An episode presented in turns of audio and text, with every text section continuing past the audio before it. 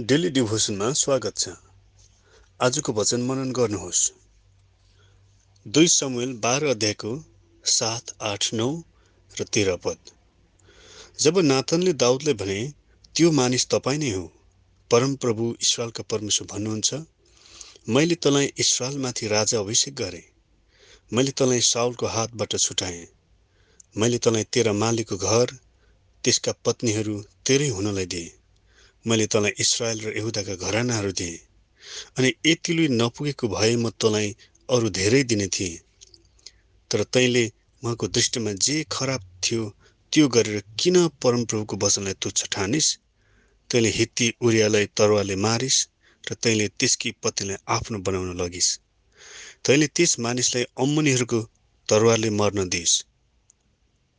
तेह्र तब दाउदले नाथनलाई भने मैले परमप्रभुको विरुद्धमा पाप गरेँ। नाथनले तिनलाई जवाफ दिए परमप्रभुले तपाईँको पाप क्षम लगिदिनु भएको छ तपाईँ मर्नुहुने छैन। हेत्युरियाको श्रीमतीलाई आफ्नो बनाएर तिनलाई युद्धमा मर्न दिएका दाउदको गुप्तका सबै पापहरू परमेश्वरको आँखाबाट देखिएको थियो। दाउद परमेश्वरले अभिषेक गरिएका कसैले नपत्याएको वा नचिनेको भए तापनि परमेश्वरबाट साउलाई हटाएर उनको स्थानमा दाउदलाई राजा बनाएका थिए। तर शारीरिक अभिलाषाका कमजोरीमा घोडा टेक्दै तिनले अनैतिक काम गरे र एकजना निर्दोष व्यक्तिलाई युद्धमा मर्न दिई तिनले जघन्य अपराध गरे। परमेश्वरले अगमवक्ता नाथन मार्फत दण्डको घोषणा गर्नुहुँदा बल्ल दाउदको चेत खुल्यो।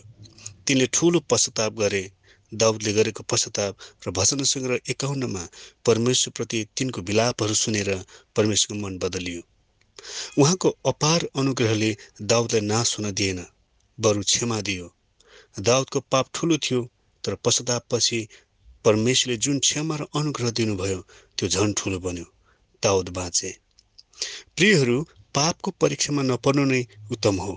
तर यदि कसैले पाप गरिहालेको छ भने परमेश्वरले देख्नुहुन्छ। गुप्तमा गरेका दाउदलाई पाप गरेका दाउदलाई अगमवक्ताले दण्डको घोषणा गर्न परेसम्म हामी नपर्ख्यौँ। तत्काल साँच्चीकै पश्चाताप गरेर प्रभुमा फर्किन उत्तम हुन्छ किनभने यसुको क्षमाको अनुग्रह विशाल छ।